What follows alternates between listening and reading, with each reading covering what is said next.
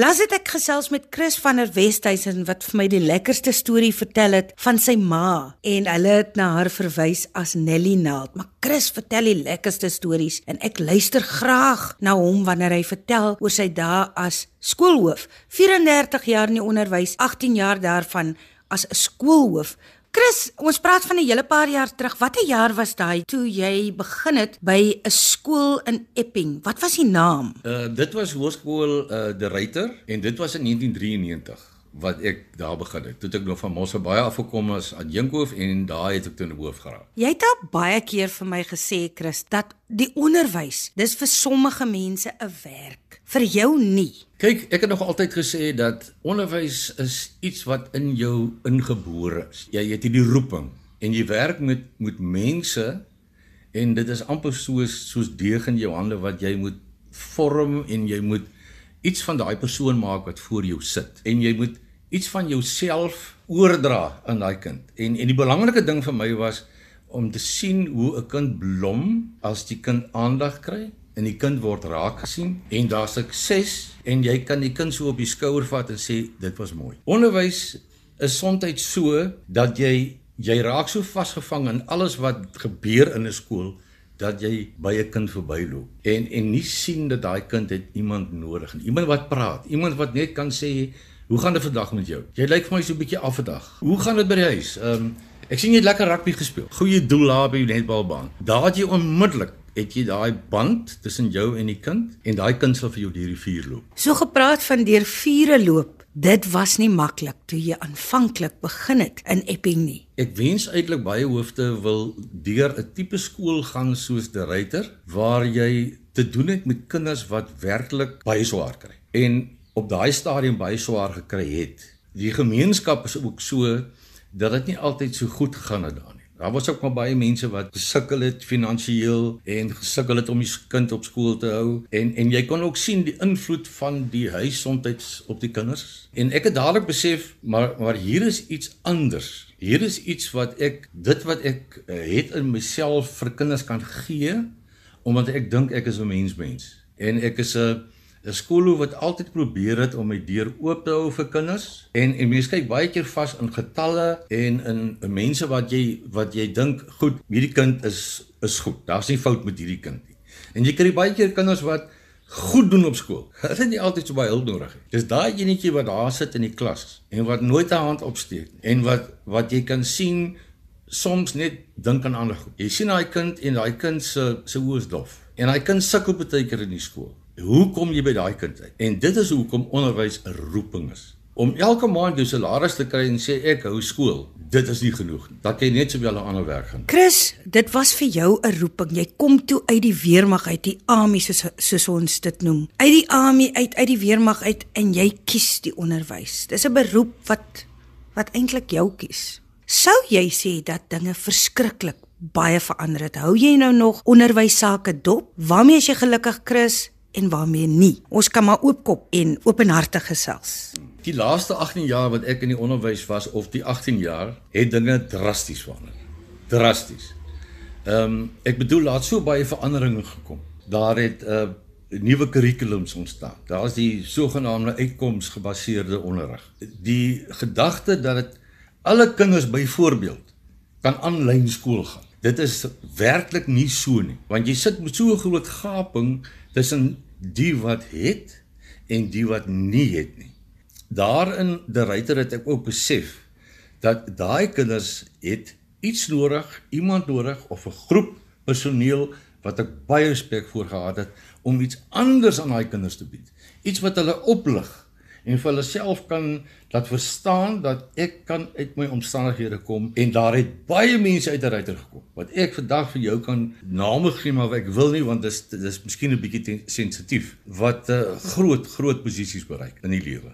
Wat my verskriklik geplaas van die onderwys in later jare is ons is toegegooi absoluut met administrasie ek is nou werklik waar nie lief om my kantoor te sit in heeldag papiere in te vul en weg te stuur en dan kry jy weer papiere jy moet weer wegstuur. Ek het ten minste een keer 'n dag deur die skool gestap want ek wil net die kinders sien. Ek wil die die geluid van kinders hoor en jy weet baie keer in die vakansie as die kinders nou weg was, dan het ek altyd hierdie skool gestap, hierdie klaskamers En dan het jy die reuk gekry van onderwys die kind, jy die die ou toebroodjies geryk, die totale mens wees wat in daai klas gebeure, het jy ervaar. En dan het ek vir myself gesê, hierdie klas is 'n dooie ding. Dit wat hier binne gebeur is lewe. Maar die onderwys is nou so dat iemand wat nou deesdae in die onderwys of die onderwys as 'n roeping sien, moet besef, dit is nie maklik En ek haal my hoed af vir mense wat in baie moeilike omstandighede in skole is waar daar nog pittoilette is, waar hulle kinders werklik waar kan laat uitstyg uit hulle omstandighede. Jy het nog steeds 'n sagte plekkie vir kinders, nê? Nee? nee, nee, absoluut. Dit is dit is wat ek mis van die onderwys. 'n Mens kan so baie keer vir jouself sê, "Goed, ek is nou hoof." En kyk, ek het nou 'n belangrike werk, maar dit is iets wat 'n mens moet agter jou sit. Jy moet sê, "Goed, ek is hoof." Maar ek is deel van die personeel. Ek is deel van hierdie kinders wat voor my sit. Jy weet dit dit was ook altyd vir my belangrik om ook klas te gee. Ek het nog klas gegee toe ehm um, ek so 2, 3 jaar voor ek afgetree het. En ek het gewoonlik by die kleintjies klasse gee. Want jy sien, die kleintjies is besig om gevorm te word. Die kinders wat in graad 12 is en graad 11 en so aan is amper al wat hulle moet wees. Party is rammetjie uitnek en en party dink hulle kan niks leer nie. Maar as jy voor 'n klein groepie jong mense staan en jy kan moontlik vir hulle rolmodel wees. Want jy weet, vandag is daar ongelooflik baie enkel ouers in ons skole. En in daai tyd ook. Jy het nie daai pa figuur nie. Jy het 'n arme enkel ma wat sukkel om haar, haar geld te kry wat die pa moet betaal. Die ma werk, sy kom by die huis, dis kinders, dis kosbaar. Daar is nie vader geleentheid om die huiswerk te doen nie want sy het ook nie hierdie wonderlike opleiding. Baie is nie eers in staat om te lees uh, in ons in, in dele van ons van ons uh, land nie. Nou ja, dit is goed wat ek elke dag nog in my lewe dink aan die groot gaping wat daar is en dat ons so maklik kan kan sê maar Uh hoe hoekom kan hierdie skool so wees en daai skole kan nie so wees nie? Dit is verregaande. Jy moet op voetsoolvlak gaan en jy moet gaan kyk presies wat daar aangaan, dan kan jy praat. Jy moet nie praat as jy in 'n skool sit waar dit baie goed gaan nie. Jy moet gaan daar waar dit swaar kry is. En ek loop nou die dag loop ek daar aan 'n winkel in in Durbanville en die meisietjie agter die kasregister kyk my so en sy sê, "Maar meneer, was ons by ons?" Ek sê, "Ja." Sê sy meneer, wat dit was hom lekker daai 7 maande. Weet jy? En dit is hoe lekker van onderwys. Toe ek uitstap, toe voel ek ja, dit was nou goed en in die motor gaan sit en gedink, jy weet mense dink so baie keer jy was 'n mislukking. En en daar was niks wat jy goed gedoen het nie totdat jy so kan raak. Is daar goed wat jy anders sou doen, Chris? As jy nou sit en terugdink. Kyk, jy het mos nou heelwat tyd tot jou beskikking. 'n Mens is mos baie keer so dat jy wil net die net die goeie onthou. Maar daar's ook baie daai dinge wat wat deur my kop gaan van ek het hierdie verkeerd gedoen. En is snaaks, net die verkeerde goed kom baie keer na jou toe. En dan vergeet jy dat jy miskien tog oor iemand se pad gekom het en is vir my interessant. Deesdae loop ek baie kinders raak en dan sal hulle sommer na my toe kom, seuns, dogters en hulle sal my 'n drukkie kom gee. Ek het hierdie kind se naam al lank al vergeet. En dan loop hulle nog met 'n met 'n kleintjie in 'n stootwaandjie. Weet dan, dan kan jy nou eers vra, hoor jy hoe, hoe oud is die enetjie en so en so en so en sy groete vir jou ouers. Dit is so lekker dat ek nie vir jou dit kan in woorde stel nie. Maar kinders op die oomblik mis ek die meeste. Daarom is ek betrokke by die Down-sindroom wat ook 'n totale openbaring vir my is. Ook ouers wat kindertjies daai het wat wat ek baie keer ek haal my hoed vir af want hulle gaan deur gewellige gewellige moeilike tye met hulle kinders. En ek is bly daar is 'n skool so Sherry Botha en ook die Sherry Botha hier onder wat uh, ook werk met klein kindertjies wat gebore is en hoe om die ouers te help. Hulle gaan uit, hulle gaan al doen um, soos wat ons dit maar noem uitreiking uh, gaan gesels met daai ouers, weet hoe moet hulle die babatjies hanteer. Jy weet gee doeke en al daai tipe goed. Help net om daai mense 'n bietjie die kans te gee om self te sê hoe hulle voel. Dit vat 'n berg van hulle skouers af. Dan het jy baie bereik al.